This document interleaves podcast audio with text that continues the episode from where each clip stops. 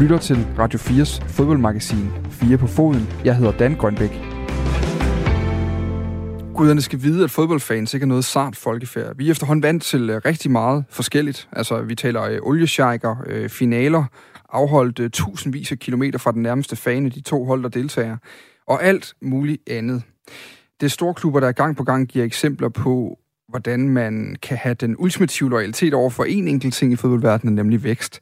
Men uh, dette års øh, Champions League topper den alligevel en lille smule, synes jeg. Den uh, lille moldoviske, eller undskyld, uh, transnistriske, hvis man spørger dem selv, klub FC Sheriff uh, Tiraspol har overvundet oddsene ved først at slå Østeuropas traditionelt skarpeste Champions League-hold i Shakhtar Donetsk, og siden slå Real Madrid 2-1 på udebanen på mægtige Estadio Santiago Bernabeu. Men udover at være årets overraskelse i turneringen, så er FC Sheriff også et eksempel på rigtig mange af de samme ting, som de mægtigste europæiske storklubber er i øjeblikket. Et øh, promoveringsprojekt for stenrige ejere med øje for opmærksomhed og kun skuldertræk til overs for den medfølgende pris – og endnu et eksempel på, at det stort set er umuligt at filtrere samfund og politik ud af fodbolden, uanset hvor ivrigt du står derovre guldminen og rasler med guldsigen over vandet. Velkommen til en uh, times fodboldradio om sheriffen fra Moldova, der har skabt sit eget land i landet, og nu også sin uh, helt egen Champions League-klub.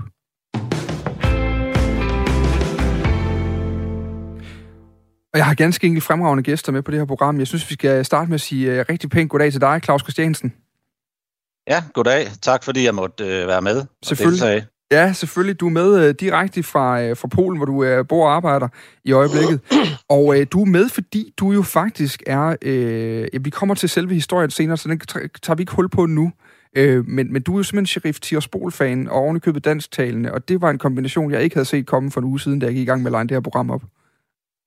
Nej, altså øh, man finder jo mange ting omkring, når man, øh, når man søger i her, det nok, som jeg også tidligere sagde, så øh, det var det samme her. Ja, du, er, øh, du arbejder som sagt i, i Polen og er med over en, en linje derfra. Vi kommer, kommer tilbage til dig øh, lidt senere, fordi vi skal bruge de første, den første del af programmet på at blive øh, klogere på øh, Sheriff Tiraspol, klubben, men nok mest øh, ud fra et øh, samfundsperspektiv. Rigtig pænt goddag, Flemming Splidsbol. Ja, goddag, og tak fordi I også kan være med. Jamen øh, selv tak, må jeg da sige herfra. Du er seniorforsker hos øh, Dansk Institut for Internationale Studier med øh, ekspertise i, øh, i Rusland de er, og i de lande, der, der tidligere var en del af, af Sovjetunionen, og, og hvordan de gebærder sig her i det, i det 21. århundrede nu. Øhm, jeg synes egentlig bare, at vi skal starte øh, lige på, altså Tiraspol er den her næststørste sty, øh, by i, i Moldova, efter hvad jeg lige har kunne finde ud af, men mere eller mindre centrum for, for landets klubfodbold. Og nu har de jo som sagt slået, øh, slået Real Madrid. Du er jo noget så sjældent som kombination af, en, af, af sådan øh, blokforsker, eller i hvert fald med en, med en meget, meget, meget massiv viden om det område, og ovenikøbet jo også fodboldfan, fandt jeg ud af i min research til det her program. Hvad tænkte du, da du så øh, det resultat fra Champions League den aften? Ja, jeg tænkte, det, øh, det var jo vildt. Øh, det havde jeg selvfølgelig heller ikke set komme, øh, men heldigvis er der jo overraskelser, også i Champions League, og det er jo noget, som vi alle sammen godt kan lide. Så, så jeg synes, det var jo interessant, og så selvfølgelig også, når, når man følger østeuropæiske forhold, øh, østeuropæisk politik, sociale forhold og sådan noget, så er det jo ekstra interessant, fordi det ligesom giver noget, det giver noget særligt, og, og det har jo muligvis nogle, øh, nogle øh, mere vidtrækkende konsekvenser. Det kommer vi jo også til at tale om, om det ligesom kan have sådan en, en, øh, en indflydelse på nogle af de her samfund. Dels jo i Transnistrien, som jeg måske indledningsvis også, indledningsvis også lige kan forklare, jo er en lille skive, som er skåret af Moldova, øh, og Moldova er en af de tidligere sovjetrepublikker. Og der er en mulighed for måske, at det kan gå ind ligesom at, at påvirke de indre forhold, øh, både i Transnistrien og også i Moldova. Mm.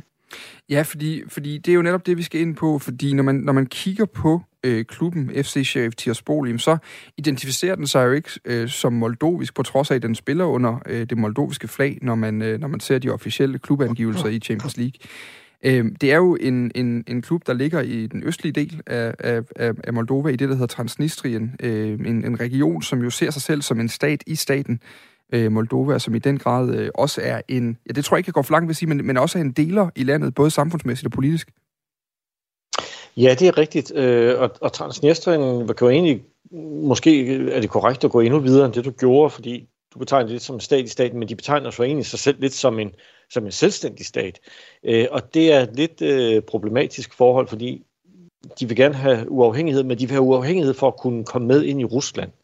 Øh, så, øh, så, så det er en af de her, et af de her små områder, som vi har flere af i, i Østeuropa, som har sådan en lidt uklar status. Det er jo ikke en stat, for det er ikke anerkendt som en stat, men, men de har igennem nu øh, tre årtier haft held til at, at leve lidt som en selvstændig stat. Altså det er en, en de facto stat, som ligger der øh, klemt inde mellem øh, Moldova og, og Ukraine, øh, og Moldova er jo selv klemt inde mellem Rumænien og Ukraine, så det, det er sådan lidt øh, speciel status og en lidt speciel måde ligesom at fungere på. Øh, og, øh, og, og det har de så haft held til, at, at de kører sådan en, en form for ministat, kan vi sige, og har gjort det igennem øh, tre årtier nu.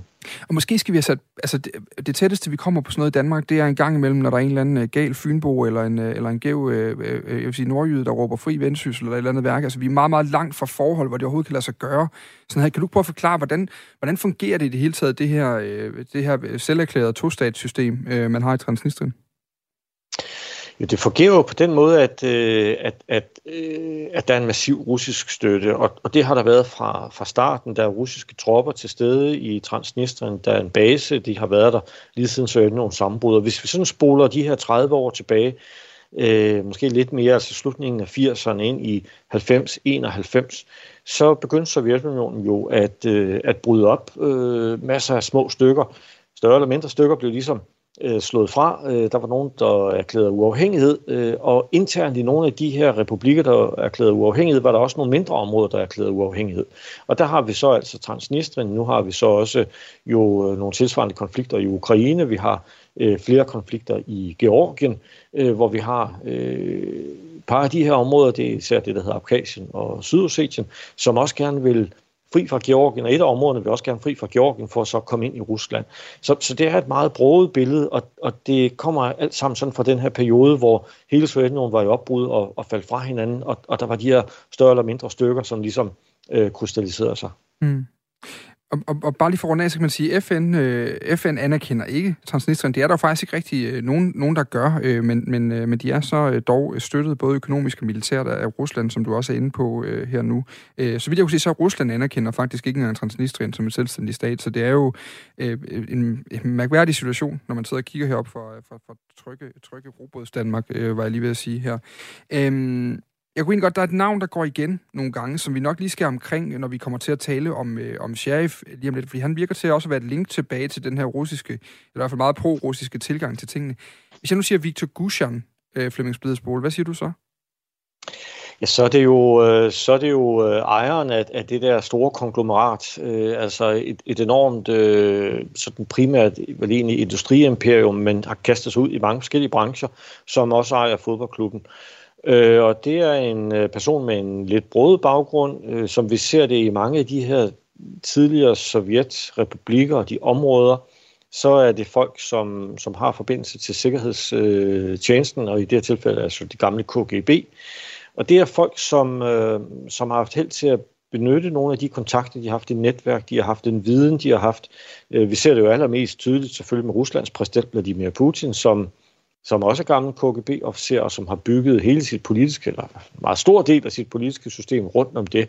Øh, så på det her tidspunkt, igen hvis vi går 30 år tilbage, og Sovjetunionen er ved at bryde sammen, så nogle af de folk, som, som, øh, som er centralt placeret, de sidder jo i, i KGB. Øh, de har kontakter, de har netværk, de kender folk rundt omkring øh, i de andre republikker. De er, øh, er godt positioneret til sådan at kunne gå ind og begynde at arbejde på det, private marked, der er ved at komme frem, og, og det er der mange af dem, der gør, det gør Victor Gulshan også, øh, og, øh, og det er så på den baggrund, at han sammen med så mange andre her får skabt den formue, som han så senere også har, øh, ligesom har konverteret til noget fodboldindflydelse.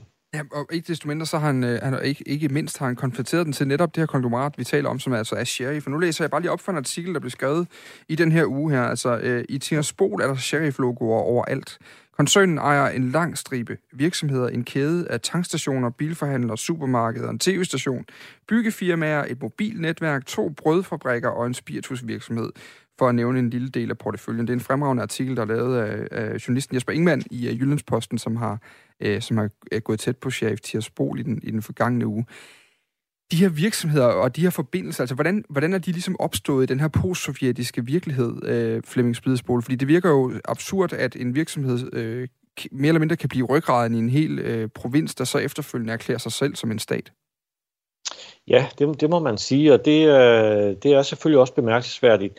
Vi ser jo også i nogle af de større stater, der er meget store virksomheder, som, som spiller øh, toneangivende roller, men, men, men her er det jo virkelig øh, en, en dominerende rolle. Øh, Øh, meget af det har været muligt, fordi øh, man, man ligesom frigjorde økonomien tilbage i slut 80'erne, starten 90'erne. Der blev privatiseret rigtig meget, og der var som sagt nogle folk, som var godt placeret til det. Det var typisk KGB-folk.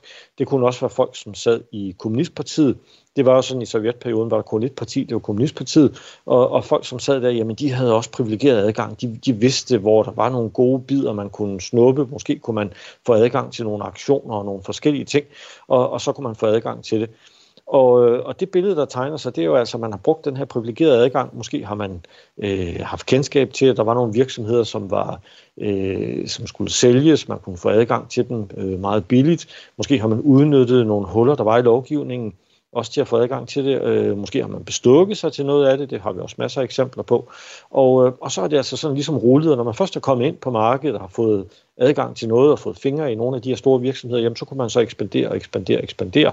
Og til sidst, jamen så, så kan man altså få den her dominerende rolle, hvor man jo kører nogle store virksomheder, som giver overskud, men måske også kan bruge nogle, nogle politiske kontakter, måske have nogle politiske muskler, øh, simpelthen også, også fordi man, man har den her øh, Øh, stor virksomhed i ryggen. Mm. Hvor, hvor vigtigt, altså når man nu, når man nu taler med benzinstationer og alle mulige former for industri, som jo er klart, man kan blive, øh, man kan blive rig på og bygge en formue på, særligt hvis man, hvis man øh, har rigtig, rigtig gode fornemmelser for, hvornår og hvad man skal investere i. Øhm, men, men, altså, men, men det, hvor, kommer, hvor kommer fodbold ind i, i, øh, i, i det her konglomerat? Hvad, hvad er det for... Hvorfor er det vigtigt? Altså, ved man noget? Kan man se noget øh, på tværs af de her postsovjetiske republikker? Øhm, ja, man kan jo i hvert fald se det som en form for prestigeprojekt, som du også selv sagde i, i, i indledningen. Altså, der dukker noget op i den her portefølje, hvor man tænker, fodbold, det er lige noget for mig, og, og, og det er noget, vi gerne vil vise. Der kan jo også være nogle forretningsmodeller i det, selvfølgelig, og, øh, og det er jo svært, i, især når vi kommer op på det her niveau, hvor vi taler om Champions League, jamen så kan der jo lige pludselig godt være nogle... Øh, kan jo være penge i det. Mm. Øh, det er jo ikke det, der driver det. Det ved vi jo også med, med nogle af de her klubber. Ikke? Altså, det er jo store projekter, hvor man øh, måske først og fremmest ligesom investerer i det, og så ser man, hvad man kan få ud. Og hvis man kommer ud med, med et, øh, et positivt resultat, jamen, så er det fint. Og hvis ikke, jamen, så tager man et tab, og så afskriver man det så, øh, fordi man har nogle andre, andre brancher, øh, som man kan gå ind i. Men, øh, men form for præcisprojekt for nogle af de her, og, og måske også i en vis udstrækning altså for nogen en, en, øh, en, en forretningsmodel. Øh, øh, der er trods alt penge i, i fodbold, øh, det ved vi jo. Øh, der ved, vi ved jo også, der er store omkostninger, og det gælder jo også, når man kommer op på det her niveau, selvfølgelig, hvor lønningerne hurtigt øh, kommer til at eksplodere. Det øh, kan Claus jo tale meget mere om, men ja. hele spillertruppen også, hvordan den har udviklet sig, øh, og, og hvordan der også lige pludselig selvfølgelig skal, der skal nogle større lønninger til for at tiltrække de her øh, spillere, som øh, kan konkurrere på, øh, på Champions League-niveau, det er klart. Jeg kunne tænke mig lige til sidst, altså fra, de, fra Rusland før i tiden, øh, så sportens rolle i de her samfund, har den, har den en særlig rolle, altså sådan sporten og kulturen og sådan noget? Ja, det har den. Altså sport er jo meget, meget populært, og fodbold er jo populært. Øh, der er andre sportsgrene også selvfølgelig, som, som fylder meget. Øh, men sport øh, tidligere var meget vigtigt for at vise, at systemet fungerede godt. På en måde kan vi sige, at sport var vigtigt for at vise, at systemet var overlegent. Mm. Øh, det vil sige, øh, sport i de tidligere Sovjetunionen havde et meget klart politisk sigte også. Det er også, at man gik så langt i nogle af de for eksempel dopingprogrammer, man havde osv. Altså man virkelig, det var enormt vigtigt at vise, at staten kunne klare sig i konkurrence med Vesten. Øh, og, og det oplever vi jo også stadigvæk, for eksempel i Rusland, hvor der jo har været de her store dopingskandaler. Det er mit indtryk jo helt klart, at sådan en stat som Moldova, og jo klart også sådan et lille udbryderområde som Transnistrien, der spiller det slet ikke den rolle, men det kan selvfølgelig spille en rolle i forhold til at kunne hævde sig, både i forhold til Moldova, hvor der jo er et, et konfliktforhold, altså mellem Transnistrien og Moldova, men også internationalt. Og det skal man sige, vi er Transnistrien, vi kan også være med, vi har vores eget hold, og nu klarer de sig bedre og bedre og bedre selvfølgelig. Så, så der kan også, den rolle kan sagtens være der lidt som, kan vi sige, en arv fra sovjetperioden, hvor man brugte sport meget politisk, men, men det har ikke det samme ideologiske mål som i sovjetperioden, hvor man simpelthen var nødt til at vise, at Sovjetunionen var overlegen på alle punkter, også på sport. Claus Christiansen, du sidder og lytter med her nu, og, og, og det er måske et meget godt tidspunkt lige at komme, komme over til dig nu, fordi øh, jeg fandt blandt andet ud af, da jeg sad og kiggede lidt op på Tiraspol, at man, at man fra det moldoviske, på trods af, at der ikke er noget, øh, der er ikke noget kærlighed, der på den måde øh, går tabt øh, mellem, mellem Transnistrien og, og det øvrige Moldova, men Øh, men, men der er dog alligevel, man har alligevel gjort nogle, mulighed, gjort nogle ting for at sørge for, at Tiraspol havde gode muligheder for at komme i Champions League, altså rykket lidt på sæsonstarten, og øh, gjort, at, de, at man ikke behøvede have så mange øh, Moldover på sit hold. Det var, det var konkurrenceforvridende navn, som man skulle stille for mange af dem. Ja. Øh, hvad er det for et hold, at de, der egentlig bliver sendt på banen som, øh, som, som, som chef Tiraspol i dag?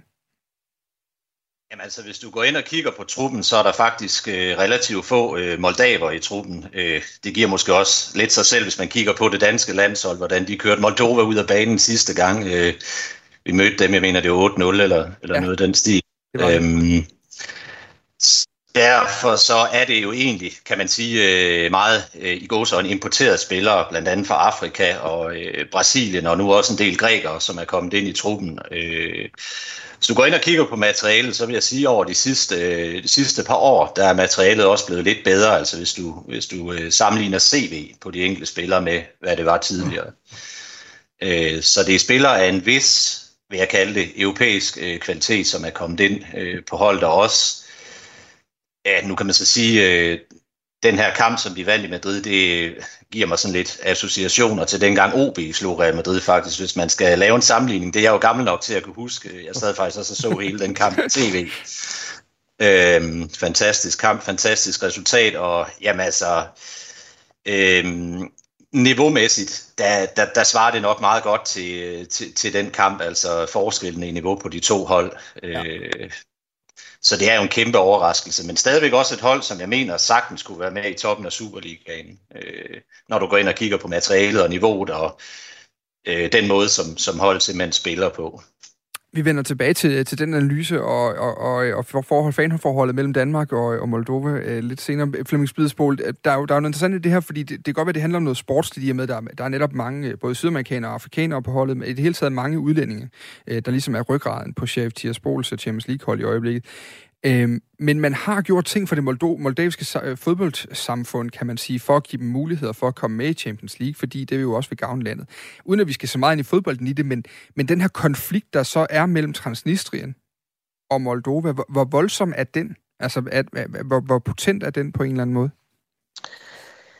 Det er jo en af de øh, såkaldte frosne konflikter, og det, det er et udtryk, vi bruger nogle gange for at tale om den her konflikt, som jo egentlig ikke kommer til udtryk i, i, i væbnede handlinger, men, men det er en, sådan en meget øh, kan man sige, fastlåst politisk, økonomisk og social øh, situation. Og så oplever vi jo, som du meget rigtigt siger jo, at, at det alligevel bliver, det tør lidt op, når det gælder fodbold, og det gør det jo blandt andet på den måde, at Sheriff Tiraspol er med i den moldovanske liga, men jo også øh, at øh, det moldovanske landshold et par gange, øh, jeg tror jeg har fundet frem til fire, måske fem kampe, øh, har benyttet Sheriff Stadion. Øh, og, og det er jo interessant, fordi Moldova anerkender jo ikke øh, øh Transnistria. De vil have det tilbage. Øh, de ser det som en del af landet, men samtidig så kan man ligesom bruge fodbolden som en form for for brobygger, hvilket jo er, er, er ret interessant. Og, og det rejser jo også spørgsmålet om, øh, hvad kan det få af konsekvenser? Der kan jeg se på en ene måde, på den ene side måske, at at det kan være med til at, at, at ligesom udglatte nogle af de øh, forskelle, der er i den her konflikt, og måske bringe de to parter tættere på hinanden. På den anden side kan jeg også sagtens se en situation for mig, hvor Transnistrien ligesom cementerer sin status som, som udbryderområde, jo blandt andet på baggrund af den her øh, den her sportslige succes. Ikke? Altså, det er først og fremmest Transnistrien, det er Tiraspol, det er også det, vi har gjort det.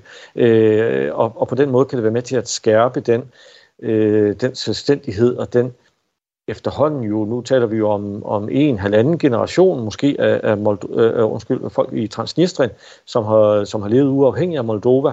Øh, og, og, og, og det er måske bare med til at, at, at ligesom skærpe den profil, at vi er uafhængige, og vi kan klare os selv og se bare, hvordan det går i fodbold.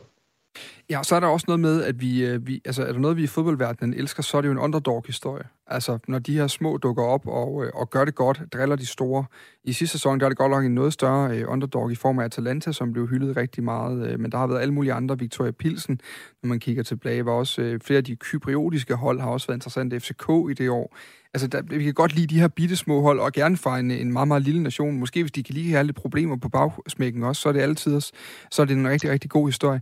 Altså, der passer de jo godt ind i det. Hvor vigtigt er, det, hvor vigtigt er den her branding-kamp i hele den territoriale kamp, der foregår i, i Moldova? og hvad kan de bruges til der?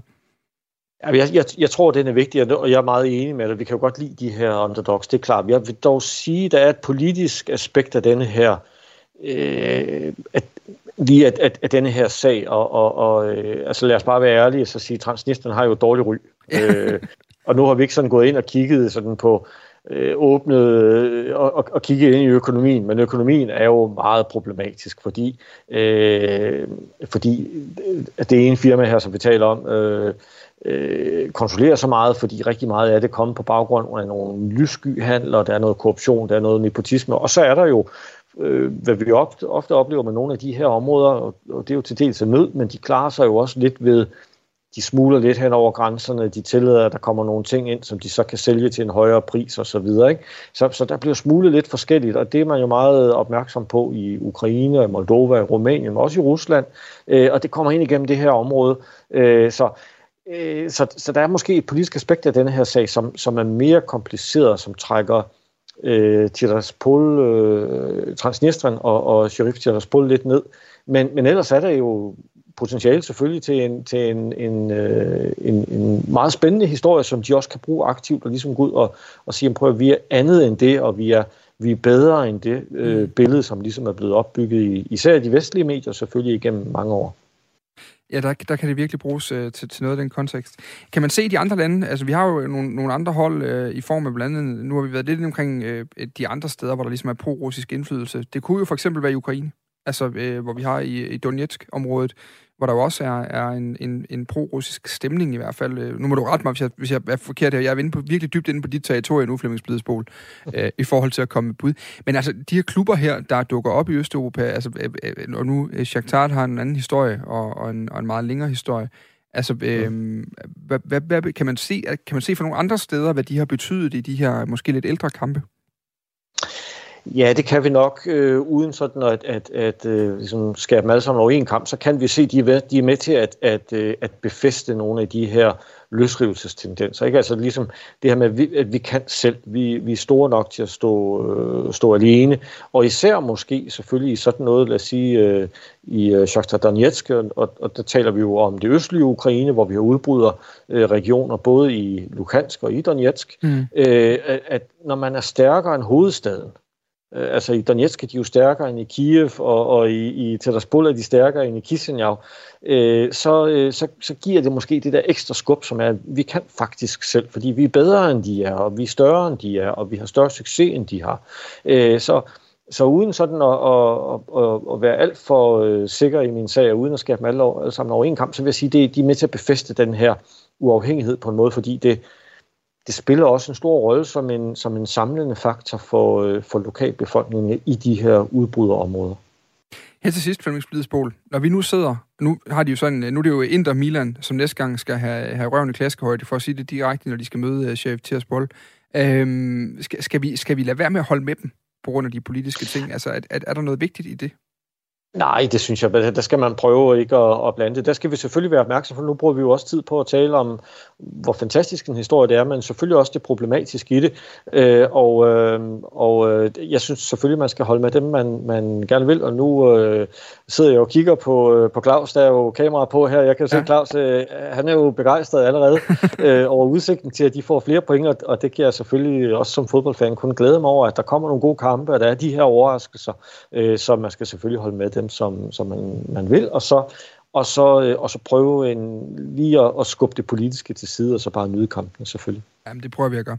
Flemming Splidesbol, øh, seniorforsker hos øh, Dansk Institut for Internationale Studier, med speciale i det russiske og det postsovjetiske. I hvert fald tak for, for, for det indledende indføring ja, i, hvad det er, vi har med at gøre her.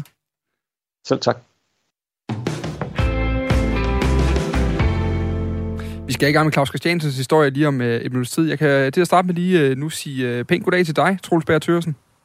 Jamen, øh, pænt goddag i lige måde. Du har hoppet på linjen også nu, chefredaktør på uh, Tipsbladet, uh, med en uh, massiv viden om uh, everything football, lige så snart det, uh, det ligger inden for det felt, så, så, så er du med. Vi skal lidt tilbage til blandt andet at kigge lidt på, uh, på lighederne mellem nogle af de her østeuropæiske Champions League-klubber, vi har stiftet bekendtskab med uh, de, de senere år. Men uh, først så skal vi tilbage til, uh, til Claus Christiansen, inden vi, uh, inden vi hopper ud til Troels, fordi det der jo er noget, der bliver befæstet hver eneste gang, vi snakker om det, det er, at fodboldens veje er lidt ligesom kærligheden, så de er fuldstændig uansagelige. Og for en lille gruppe danske mænd, der har øh, fodboldkærligheden fundet sit hjem i det øh, østlige Europa, nemlig lige præcis i Tiraspol, som vi taler om her en lille bitte, ikke anerkendt af nogen som helst slyngelstat, som vi ellers kun kender den fra, øh, fra filmene, ofte med spioner og så videre i den her James Bond-tid lige nu. I uh, researchen til det her program, der faldt jeg over en fangruppe. Den uh, var på Facebook. Det var danske mænd. De var flest af dem havde deres uh, baggrund i det østlige Jylland, som uh, jævnligt diskuterer fodboldresultater. De fejrer nogle sejre, de snakker nye spillere, de snakker nye sæsoner, de deler håb og øh, ofte også skuffelser, når det ikke går så godt.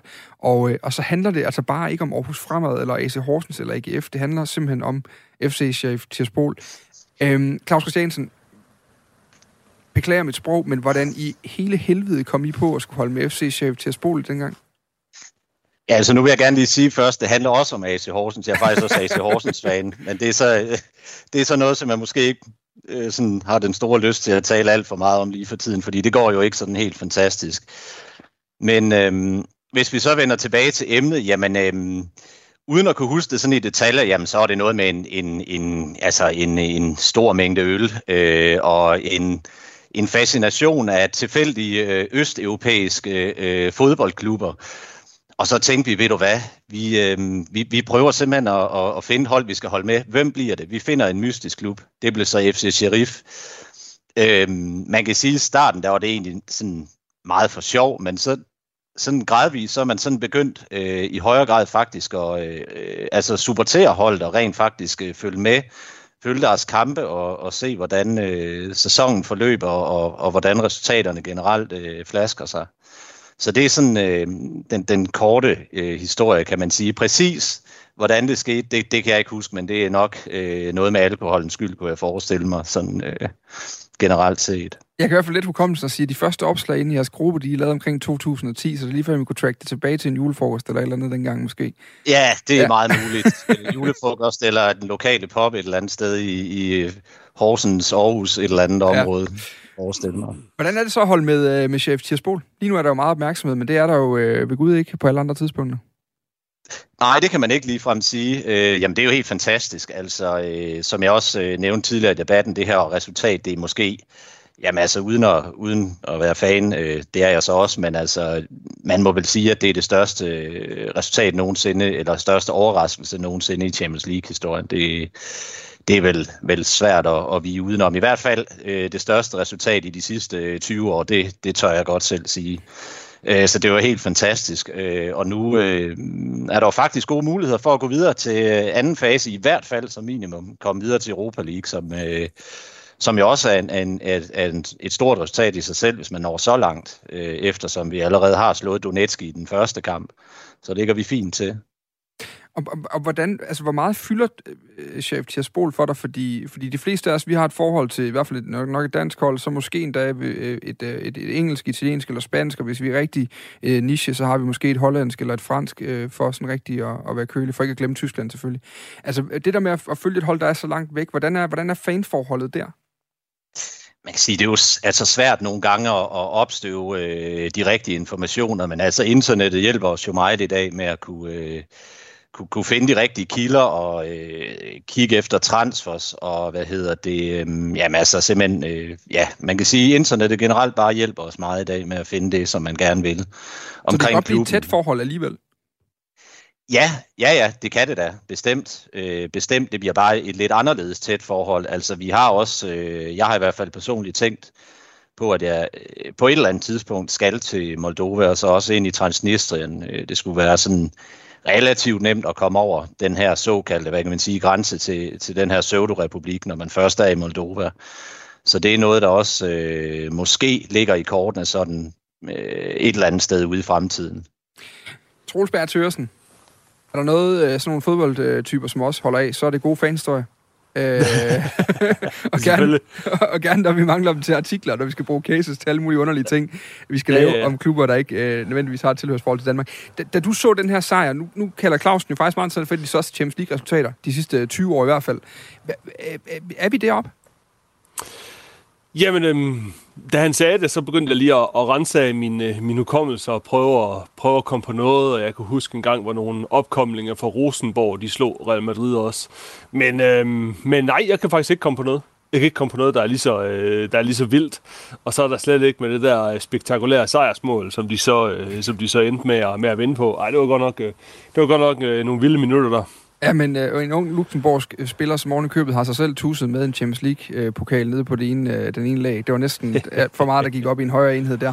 Øhm, ja, det var smukt. Ja, det var det virkelig. Ja, det var det. Troels, det var sgu smukt. Du, som chefredaktør, du, du beskæftiger dig rigtig meget med international fodbold. Du skriver analyser, du skriver kommentarer, øh, og mange af de tendenser, vi ser i, i den europæiske fodbold generelt, også på klubniveau. Øhm, når vi kigger på Tierspol, er, er de exceptionelle sådan i deres opbygning, i deres, øh, er, de, er de særligt interessante i forhold til det, vi ellers ser? Altså det, det, øh, det, vi allerede har været inde på i, i den her snak øh, her i radioen om, øh, om det her med, altså det her med, at, at de kommer fra Transnistria, og det er en, det er en udbrydet republik. Jeg vil sige, det gør det alligevel lidt unikt i, øh, i europæisk sammenhæng. Det synes jeg godt nok. Det giver det lige noget, nogle, øh, nogle ekstra kubik og ja. noget, noget, noget ekstra freak-faktor, for nu at sige det lige ud. Øhm, men sådan selve, hvis jeg, nu, hvis jeg nu så på selve, selve strukturen i, at, i at, i at i at Sheriff de bliver store, øhm, jamen der, der kan det godt minde mig om noget, jeg har set i, øh, i en del andre østeuropæiske lande, hvor altså, der er selvfølgelig, der er selvfølgelig øh, altså, forskelle fra, fra land til land, det er klart, men, men jeg synes, jeg har set adskillige steder, at post-Sovjet post-Østblok, øhm, og, og da de første år er gået i 90'erne, jamen, så begynder der at, at dukke nogle, nogle nyrige hold op, vil jeg kalde dem. Og det vil jeg, øh, og det vil jeg kategorisere øh, Sheriff som, som et af dem. Og, og hvor, hvor der er mange fællestræk i den måde, hvor de bygger deres klub op på. Og hvad er de fællestræk? Altså, hvad er det, der går igen, når vi kigger på de her øh, nyrige østeuropæiske hold, udover at der, der ofte er kommet en mand med en, øh, med en kuffert? Der kom en, der kom en mand med en kuffert, der kom en, en mand, øh, en virksomhed, med, som, som, som på mange måder nok er, er self-made efter, øh, efter murens fald. Øh, altså, der er selvfølgelig, der er selvfølgelig undtagelser. Altså, bare til, bare til Borisov op i, op i Hvide Rusland. Altså, der eksisterede den traktorfabrik, som, øh, som man repræsenterer. Den, den var der også i sovjettiden. Men, øhm, men ellers så er det, mange, det er meget nye penge, men så er det også den måde, som man laver fodboldklubben på. Altså, dels så kommer man man kommer med en, en, så at sige, en ny klub i mange tilfælde, som måske ikke har vundet så meget tidligere, øhm, og man putter en hel masse penge ind, Øh, det giver god mening. Og så, øh, og så henter man også en, en masse udenlandske spillere.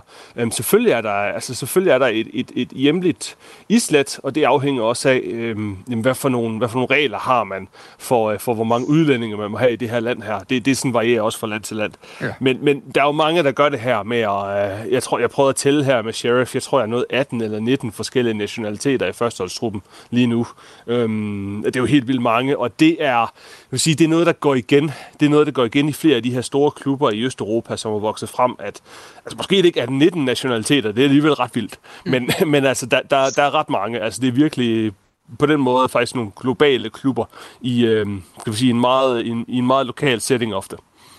Claus Christiansen, når vi har, nu, nu er han lidt på Bartel Borisov, øh, ja. der er også øh, andre klubber som Dynamo Minsk, også fra, øh, fra, øh, fra, fra Hvide Rusland, som dog er en, en traditionsklub, går længere tilbage. Øh, der er først ja, Dynamo, Dynamo-navnet, øh, som jo også er, øh, dufter af noget gammelt sovjetisk. Øh, men, men jeg kunne godt, altså, når du, når du holder med et hold som det her, altså nu er vi inde på alt det politiske før, alle de her slyngel-elementer, der jo er ved, ved, ved, ved Tierspol, men, men i det hele taget forholdet til historien, til samfundet osv., hvor meget betyder det egentlig for interessen for den her klub? For det var der, den startede, kan jeg høre på dig.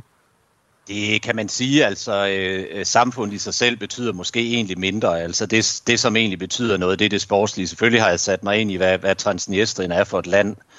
Øh, og, det, og det tænker jeg egentlig Flemming meget godt fik uddybet med, med al den her øh, skyggeøkonomi og oligarker og lyssky øh, mm. business. Ja. Øh, og man kan også sige, altså i, i selve Sheriff, jeg tænker ikke, der er nogen øh, på den her jord, udover Sheriff selv, der egentlig ved, hvordan økonomien er omkring klubben. Altså det er fuldstændig uigennemskueligt, for at være helt ærlig. Øh, og hvis, hvis I ved noget om det, må I meget gerne fortælle det, for det er i hvert fald ikke noget, jeg nogensinde har fundet ud af. Øhm, så man kan vel godt betegne klubben som sådan en, en mini-udgave, vil jeg sige, af Shakhtar Donetsk. Øh, det er selvfølgelig et, et helt andet budget, øh, uden at, som sagt, have sat mig ind i det, de opererer med, men, Men altså, det er igen øh, en oligark, altså i Donetsk, der ved jeg, det er Akhmetov, som er øh, Ukraines, eller i hvert fald tidligere var Ukraines rigeste mand, øh, der var personlig ejer og sponsor af klubben. Øh, og, og så kan man så sige, i, i, øhm, i Sheriff, der er det mere en gruppe, fordi som, som øh, Flemming også siger, så er Sheriff, det er jo det her, hvad kan man sige, en, simpelthen oligarkfirma, mm. der ejer alt muligt også. Jeg tror så ikke, han fik nævnt hoteller, men de ejer faktisk også hoteller, øh, ja. ud over alle de her ting, han fik nævnt. Så, øh, så ja, altså jeg har fuldstændig, øh, vil jeg egentlig sige, sat mig ind i, hvordan situationen er, men... Øh, men altså, det, det, det er ikke det, som har noget at gøre med, om jeg holder med klubben eller ej, kan man sige, hvordan den politiske situation er i landet. Øh, jeg tror så, øh, Flemming nævnte, at der var to muligheder for, hvordan øh, det her kunne blive opfattet internt i, i Moldova og, og Transnistrien. Den første mulighed, det var, at han nævnte, at, at det egentlig godt kunne føre til, at, at øh, Moldova sådan, og Transnistrien nærmede sig hinanden. Det andet, øh, at de nok nærmere fjernede hinanden. Jeg hælder nok mest til det sidste, øh, som han nævner, at, at det her det kan promovere øh, Transnistrien yderligere i hvert fald mm. ikke nødvendigvis fører til, at, øh, at, at, at parterne kommer nærmere hinanden, også fordi at Moldova faktisk øh, i sig selv har fået en mere pro-vestlig regering, så det, det har også sådan, hvad hedder det, skærpet konflikterne internt mellem Transnistrien og Moldova, men det er jo så det er det sidespor. Det, det, det er ret interessant det her, Troels Berg Thørsen, også i et sportsperspektiv, fordi noget af det, noget af det du også beskæftiger dig med i din, øh, i din øh, ofte øh, kritiske og, og krassende analyser, det er jo også det sporten, og særligt fodbolden, bliver brugt til i de her år, altså af, af alle mulige andre interesser at, at, fordi når jeg sidder og kigger på Chef Tiraspol, så, så kan man sige, at det, det er en klub, der er opstået i 97. Der, der var en klub i forvejen, men Sheriff køber den i, i 97 og bygger den op derfra. Siden der har de vundet 19 mesterskaber, de har vundet 10 pokaltitler. Man har et hold, der stort set, altså det eneste moldoviske, det er det flag, der skal stå på plakaten, når de ligesom er med i Champions League, for der er stort set ikke en spiller i nærheden af truppen. De har et uh, træningsanlæg, de har et stadion, uh, som er langt foran mange af de andre klubber i landet. Mm. Uh, altså alt det her, det er jo sådan noget, der lugter lidt faktisk minder mig om, om noget Manchester City, om noget PSG, om, om nogle af de her topklubber, hvor man jo bare ofte... Det er som om, vi har nemmere ved at kritisere, når det er en sheik. Men, men er, der, er, er, er der noget der? Øh, ja, det, Jamen, jeg kan, jeg kan sagtens følge, hvad du mener. At, at, øh, at vi ved ikke præcis, hvordan det er finansieret. Vi kan bare se, at jo, vi kan bare se, at det kommer fra et, et oligark-konglomerat, som krasser virkelig mange penge ind og står for en virkelig stor del af, af økonomien i landet. Og Ja, jeg kan godt se, jeg kan godt se, øhm, jeg kan godt se, hvis, hvis vi skal kalde det sportswashing-vinklen i det, det kan jeg da sagtens, øhm, i, at, i at det her i hvert fald er, altså det er da fedt nok for, øhm, for, for dem, som sidder og bestemmer i Transnistrien, at nu, nu, ser man, øh, nu, nu ser man den her, den her fede sejr over Real Madrid og tænker, at, at Sheriff er, at, at, at, øhm, er et fedt foretagende. Jeg synes så, det, også, det er meget vigtigt for mig så at nævne, at øh, så skal vi altså også lige have, have proportionerne med her. Ja. At, øh, at det er altså en, det, selv, selvom det, er, en, det er en rigtig stærk, en rigtig rig klub i, i lokal sammenhæng, så er det den altså ikke i forhold til, øh, i forhold til, øh, selv ikke i forhold til rigtig mange af de andre østeuropæiske klubber. Uh, nu nævnte jeg dem ikke før, altså det er som Ludogorets, ja, Barte op i, op i Hvide Rusland, Uh, Ludogorets er fra, fra Bulgarien, har også vippet skal vi sige, de lokale traditionsklubber af pinden. Uh, øhm, Karabakh har gjort det i Azerbaijan, også med, med, med, med statsfinansierede, statskontrollerede selskaber til at, til at, uh, jamen, til at understøtte driften. Uh, der er FK Astana i Kazakhstan, FC Riga, en ny klub i Letland, som gør det her. FBK Kaunas, en, en lille provinsklub, forsøgte også i, i Litauen på et tidspunkt, og var tæt på at komme i, i Champions League, hvis man lige havde, havde slået OB mm. i, tilbage i 2008. Så, så det her, det er ikke, det, jeg vil bare lige sige, det er ikke en, det er ikke en unik model, øhm, men jeg kan godt følge dig derhen, at det, på den måde, er det, på den måde kan det selvfølgelig godt, godt minde om, men, øh, men proportionerne gør bare, at det er, at, at for mig at se, så er det helt, så er det helt anderledes. Altså, det er nogle helt andre det er en helt andet reach, de her, øh, altså for eksempel Qatar har via, via at købe øh, Lionel Messi til, til Paris arrangement, og, og de her kæmpe store øh, jamen, det her kæmpe store setup, som PSG og Qatar i det hele taget har, det er global opmærksomhed. Og ja. det, øh, det, det, det, der, der, der, når Sheriff, øh, der når Sheriff slet ikke og der, de har ikke det samme på spil internationalt overhovedet, som, øh, som de her, de her ejere i de store klubber. Men det er jo meget sådan, at de har kommet ind på det med budgetterne i, i det her østeuropæiske fodbold-Europa, fordi vi har jo et, et hold som Shakhtar Donetsk, og Dynamo Kiev er også et af de traditionshold, man har, har set i Champions League, særligt i, i Shevchenko-tiden ja. øh, dengang. Ja. Ja. Altså, men, men så har vi øh, forskellige russiske hold, der sådan er dukket lidt op på skift, øh, synes jeg, øh, hen over årene. Men ja. hvad er det for nogle hold? Du var lidt inde på det med Ludogorets, med Karabakh, nogle af de hold, der dukker op. Er, er, er det den samme model, der ligesom gør sig gældende hver gang, at de her, de stikker op? Jeg synes, det på, det på mange måder ligner. Ja, øhm, jeg plejer at sige, og det, der, der, der er selvfølgelig flere nuancer til det, men, men jeg plejer at sige, at alle de andre har øh, Shakhtar Donetsk som, øh, som forbillede. Shakhtar er øh, nogle af de dygtigste i hele Europa til at finde og, øh, og hente og jamen, lære europæisk, ukrainsk levevis til, øh, til unge brasilianere. Og det, øh, hvis I synes, det lyder svært, Øh, og, og, og lære at bo i til 20 frostgrader øh, i, øh, i omkring Kiev, hvor, øh, hvor Shakhtar øh, nu har boet i, i flere år og trænet i flere år på grund af konflikten i Ukraine, jamen så er det, det er skidesvært. Det er en enormt svær operation, Shakhtar gør, og de er simpelthen nogle af Europas dygtigste. Og her inkluderer jeg også hold i, i Premier League og i Spanien og Portugal og Italien. Shakhtar er simpelthen fagligt nogle af de allerbedste til det, og de bruger også lige så mange penge som et, et mindre Premier League-hold, hvilket er kanon vildt mange penge. ja. De andre, de prøver lidt det samme, men, men de, de når ikke i nærheden. Altså, de har øh, Shakhtar spiller med 18, 19, 20-årige brasilianere, det der, de får dem ind. Øhm, og de kan holde på dem igennem deres, øh, jamen ofte igennem deres, deres bedste fodboldår. De her spillere, øh, flere af dem er også blevet nationaliseret og spiller for, for Ukraines landshold nu. Øhm, så de er ligesom, de er forbilledet, og så er de andre, de prøver efter bedste beskub og, og gøre det samme. Nogle gør det med brasilianere, andre gør det med, med andre østeuropæiske spillere, nogle gør det med, med afrikanske spillere, nogle gør det det hele på en gang, som for eksempel FC Sheriff gør og de gør det for langt færre penge, men ideen er den samme, at, at at man, man, man på den måde skaber et internationalt hold, hvor det ikke er så utrolig vigtigt, om man lige hører hjemme i Tjeterspod, eller i Riga, eller i, øh, eller i Minsk, eller i Astana, men hvor, det er, hvor, man, hvor man bruger, hvordan transfermarkedet hænger sammen i dag, og hvor du kan flytte spillere bogstaveligt talt hvor som helst hen på kloden, så længe der, der er nogle penge i det.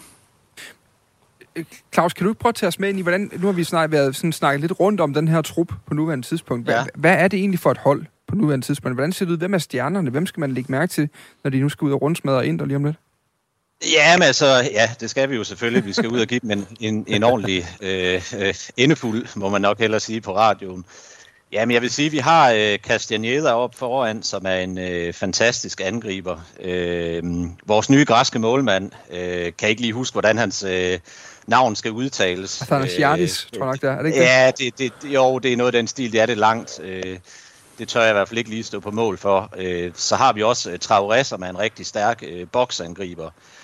Øh, og generelt så synes jeg egentlig, at, at den måde, som, øh, som vi spiller kampene på, jamen det er, øh, det er egentlig øh, død bolde, øh, gode kontraangreb det er sådan der, hvor jeg synes, at vi, øh, vi, vi kan vinde kampene. Og så, hvis man så skal pege på en svaghed, så vil jeg sige højre bak.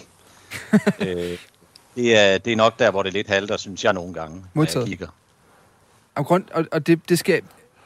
Jeg kommer til at... Og, øhm, at det er med et smil på læben, jeg hører det her, fordi det er fuldstændig fantastisk at kigge på en dansk mand, der sidder på en linje fra Polen og siger vi om et hold for Moldova. Altså, det, det, er, det er jo det, der på en eller anden måde, det, det fortæller jo en eller anden historie om fodbolden, som jo er fremragende i de her tider, hvor vi er irriteret over, at, eller i hvert fald mange er irriteret over, at der er kommet en ekstra europæisk klubliga, og og vi skal til at stifte bekendtskab med endnu flere øh, LAN-hold, som AGF og alle de andre kan ryge ud til herhjemme. Altså, øh, så, er det jo, så er det jo fantastisk. Altså, hvordan, når, når sidder du sådan og jagter kampe og nyheder og sådan noget på, på ugenlig og månedlig basis, Claus, for at følge med i de her ting? Ja, det gør jeg. Øh, det, det gør jeg selvfølgelig via internettet, ligesom øh, jeg også forklaret før med ja. at finde øh, de nyeste updates omkring klubben. Og klubben har jo selvfølgelig også en hjemmeside, på, hvor du kan læse nyheder på engelsk, så den giver selvfølgelig også i sig selv en del, kan man sige. Øhm, så ja, øh, det er sådan set sådan, det foregår, kan man sige, som du, øh, som du selv beskriver det er.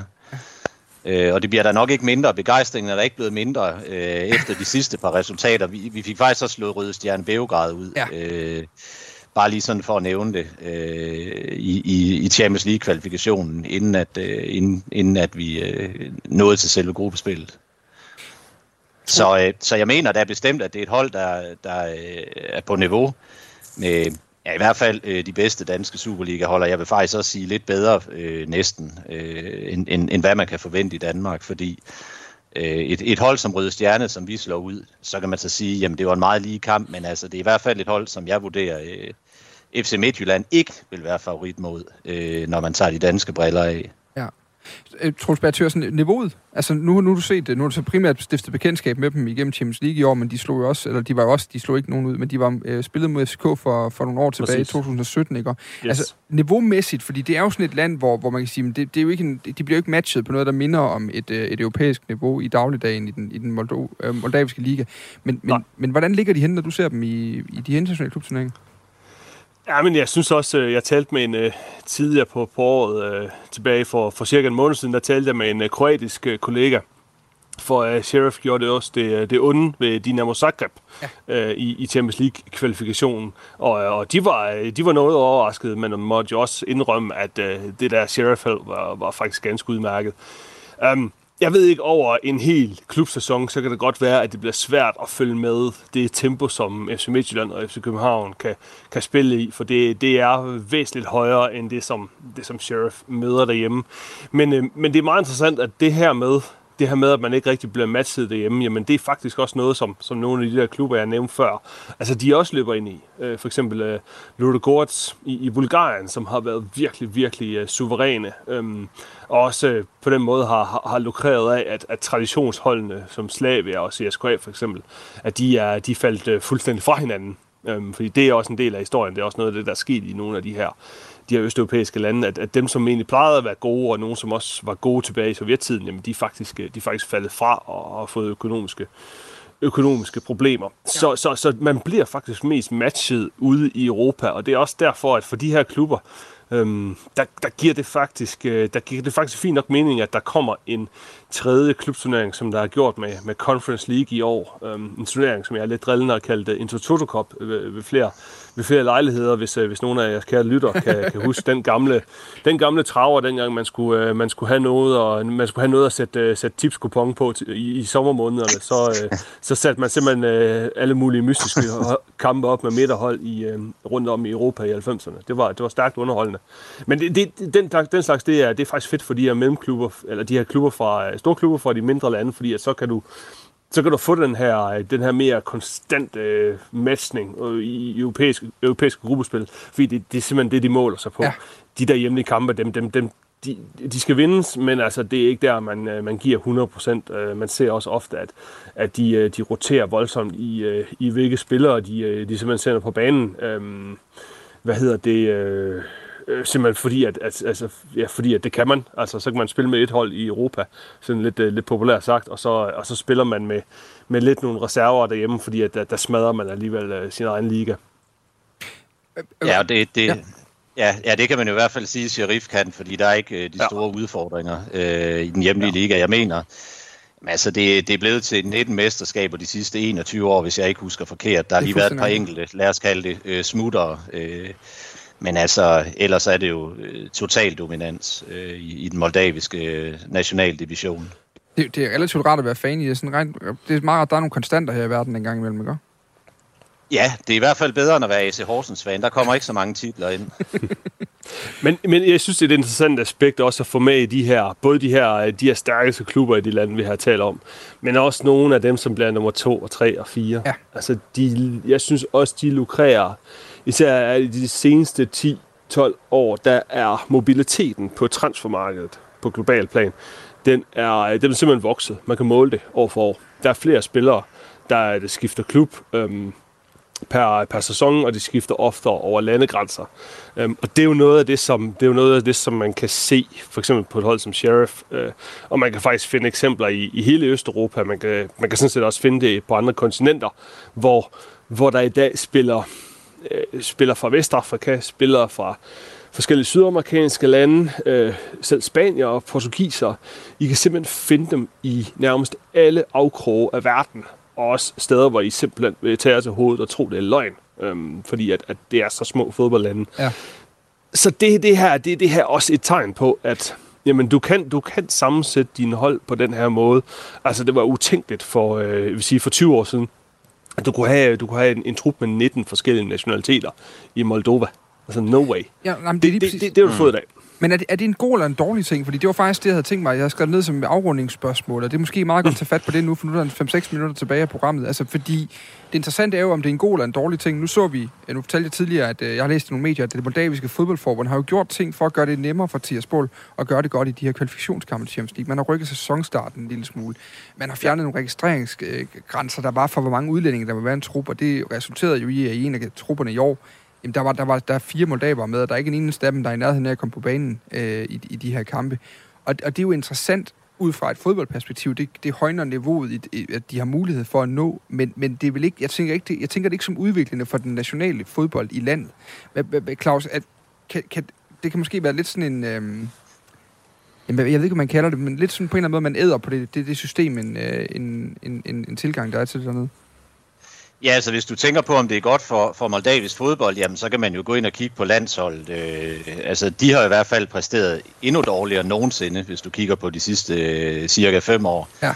Så er det moldaviske land jo, øh, landshold jo nærmest blevet, øh, eller ikke nærmest, men er blevet dårligere end lande som Færøerne, øh, øh, muligvis også dårligere end land som Malta. Ja. Øh, er virkelig røget ned i, i det der laveste sidningslag, som er sidningslag øh, 6 øh, normalt, i, i hvert fald i nogle kvalifikationsgrupper. Så på den måde, så tænker jeg sådan set ikke, at, øh, at det på den måde har haft en, en god effekt på, på Moldavisk fodbold som sådan, øh, hvis du kigger på landsholdsplan. Øh, på klubplan, så kan man jo så sige, at det i hvert fald er med til at promovere land, og så igen, så er det også sådan lidt la-la, fordi øh, det jo ligger i Tierspol, som jo, ja, på papiret er Moldova, men i realiteten ikke er. Mm. Øh, så det, det, det promoverer måske et eller andet sted Moldova, men i forhold til det fodboldmæssige niveau har det i hvert fald ikke øh, indtil videre vist sig at være øh, en, en gevinst, at Sheriff øh, er blevet bedre over de sidste, lad os sige, 5-6 øh, år. Troels Berg Thørsen, hvad, hvad, hvad tænker du om det? Altså, hvornår går det hen og bliver en gevinst for landet, for nationalfodbolden?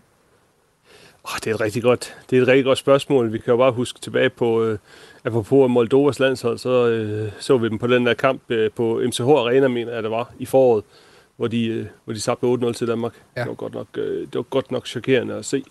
Hold, hold op, det var ringe. Jamen, det, det var nemlig rigtig dårligt. Altså, det var virkelig det var dårligt. Vildt, ja. ja, det var, det var godt nok pinligt. Øhm, jamen, det er jo... Åh, det her er jo ikke bare Moldova, det er jo rigtig, rigtig mange steder, hvor altså, klubfodbold dominerer totalt, og klubfodbold på den måde er, som jeg også beskrev lidt før, altså det er blevet sådan et eller andet globalt internationale foretagende, hvor, ja. hvor det gør så utrolig stor forskel, om du er i Tiraspol, eller om du er i Riga, eller om du er i Beijing. Altså, det er de, øhm, det er de samme nationaliteter, du, øh, du spiller med, det er de samme, de træner fra de samme lande, I træner efter de samme principper, I spiser det samme, I sover på samme tidspunkt. Øhm, det er jo, på, på en side, så bliver det, altså der er flere gode fodboldspillere nu, end der var for 20 år siden, det er jeg sikker på. Øhm, Øh, så på den måde, så, så højner det højner det kvaliteten sådan som, samlet set som, som sport. Ja. I de enkelte lande, jamen der, er det, der, giver det selvfølgelig nogle, der giver det selvfølgelig nogle problemer, når, når, altså når klubfodbolden på den måde overtager det hele. Øhm, og hvordan du, øh, hvordan du laver om på det, og om du vil lave om på det, det er så det store spørgsmål. Øh, man kan jo for eksempel se, hvad, hvad FIFA prøver at, at gøre lige nu, hvor man, øh, hvor, man, hvor man prøver at lade som om, at man gør noget ved tingene, men, men i virkeligheden bare, bare bruger det til at, til at føre endnu mere politik, og til at få, få indført nogle turneringer, som, som der ikke reelt er nogen, som, som har lyst til, eller som, eller som gør nogen som helst forskel. Så altså, jeg, jeg tror, jeg vil konstatere, at globaliseringen er kommet, og øh, fodbold er virkelig øh, langt ude foran øh, på det område. Øhm, og om det, kan, om det kan laves om med alt det gode og med alt det dårlige, der ført med sig, det, det ved jeg simpelthen ikke. Okay, men øh, det er interessant, fordi jeg tænker også på lande som, altså Ludo Gordic, der er langt ned til nummer to, men i andre lande, som øh, nu for eksempel i, i, i Serbien, der har en stærk fodboldtradition, der har man jo set nogle, nogle stærke klubber i top, men som jo også ligesom, altså der er også flere klubber, der er kommet med. Altså, man, man dukker også på Rijeka, man dukker også på, øh, på, på, på flere andre klubber nede fra rækken, der gør sig gældende i de internationale turneringer.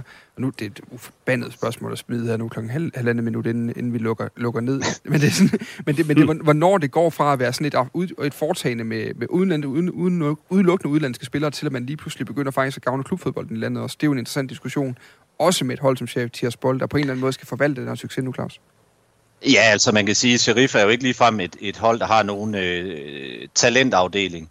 Så jeg tror egentlig mest, at hvis man går ind og kigger sådan koldt og kynisk øh, på det fra ejernes side, jamen så handler det egentlig bare om at altså, se, om man kan få noget ud af fodbolden og øh, få promoveret sig selv og mm. øh, altså, altså opnå noget øh, gennem, gennem det, som fodbolden nu engang kan bringe, som, øh, som Flemming også sagde i starten af udsendelsen. Ja. Så, så på den måde, altså, tror jeg ikke, at, at man skal tro, at, at uh, Sheriff har lyst til at gå ind og, uh, og hvad hedder det, lave en talentafdeling, der, der, og, og virkelig satse på at udvikle Moldavis fodbold, eller uh, Transnistris fodbold Nej. på den måde, kan man sige. Claus Christiansen, lige til sidst nu, fordi vi skal til at runde af. Ja. Kommer, og, det, og nu tager vi sådan en Clemen Kjærsgaard-runde, hvor det bare er ja, nej, og hvis ikke, så lukker jeg for mikrofonen. Øh, kommer øh, yes. Sheriff Bold videre fra gruppen? Det gør de. Troels Tørsen, hvad siger du? Jeg siger, at de ikke kommer videre. Tak. Udmærket. Jeg er også Europa League. det tager vi med. Så ser vi, hvordan det går.